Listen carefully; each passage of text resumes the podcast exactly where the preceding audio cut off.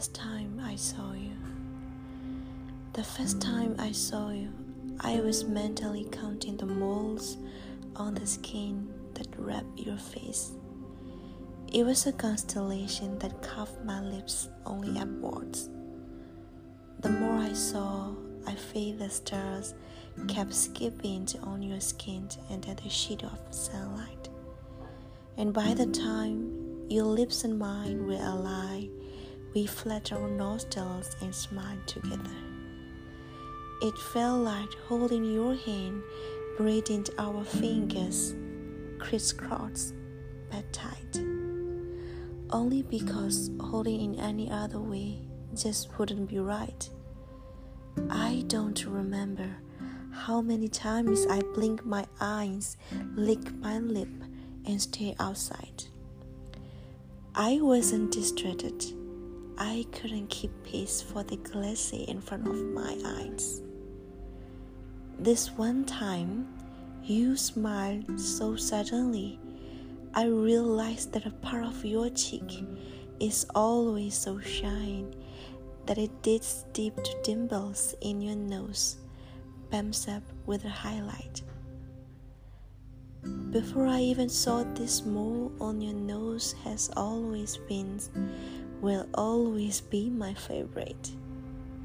My palms smaller than yours, your fingers longer than mine, and when we lifted our arms and placed our palms across one another with just enough space in between to breathe in the breath of distance, my heart skipped a beat. We had so many conversations since then. We gather for movie dates, coffee, and cheese breakfast meal. You nibble on my nights, and I ate your days whole.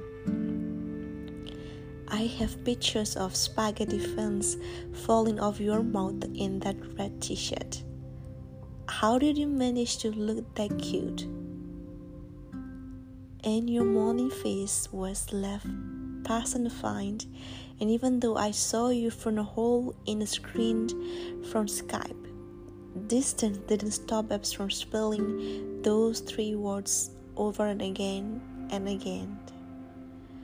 From all my sleepless nights, you pull out bedtime stories like they were lying in your pen pockets.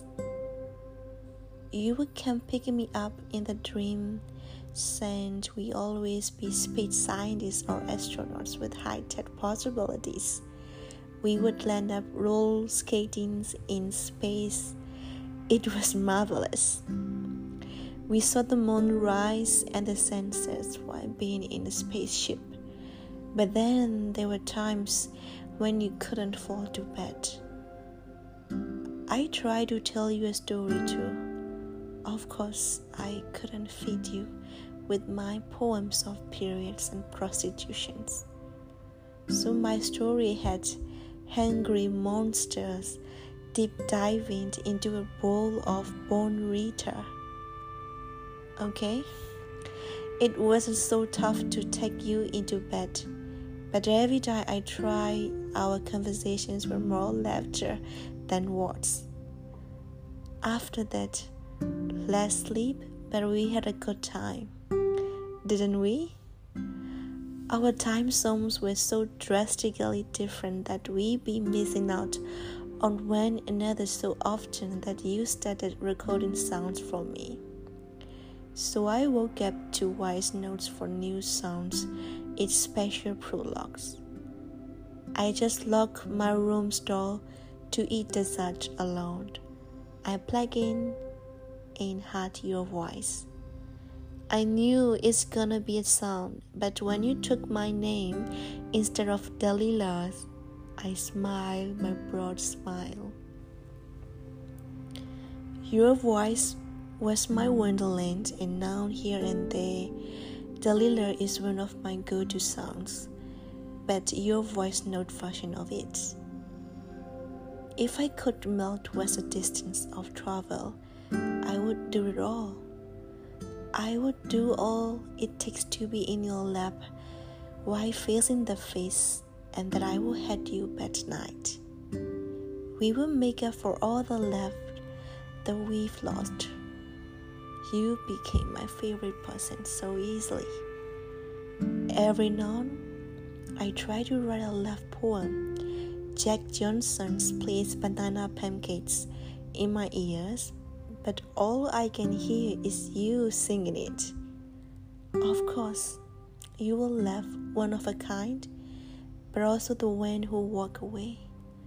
I keep wondering if you hadn't given me those three words, you wouldn't ask me to return them to you. Okay, I understand that you have to give wrap them before giving it to your special someone else. But I haven't felt like giving my three words to anyone else. You know, it's been more than 180 days now. I have eaten pancakes every time I thought of that feel. This hasn't gotten easier than my words have only gotten heavier. So I will give my three words back to you again today. And I know that it is around minus 14 degrees there. But I hope that in this cold you can dig a warm place and let my words stay.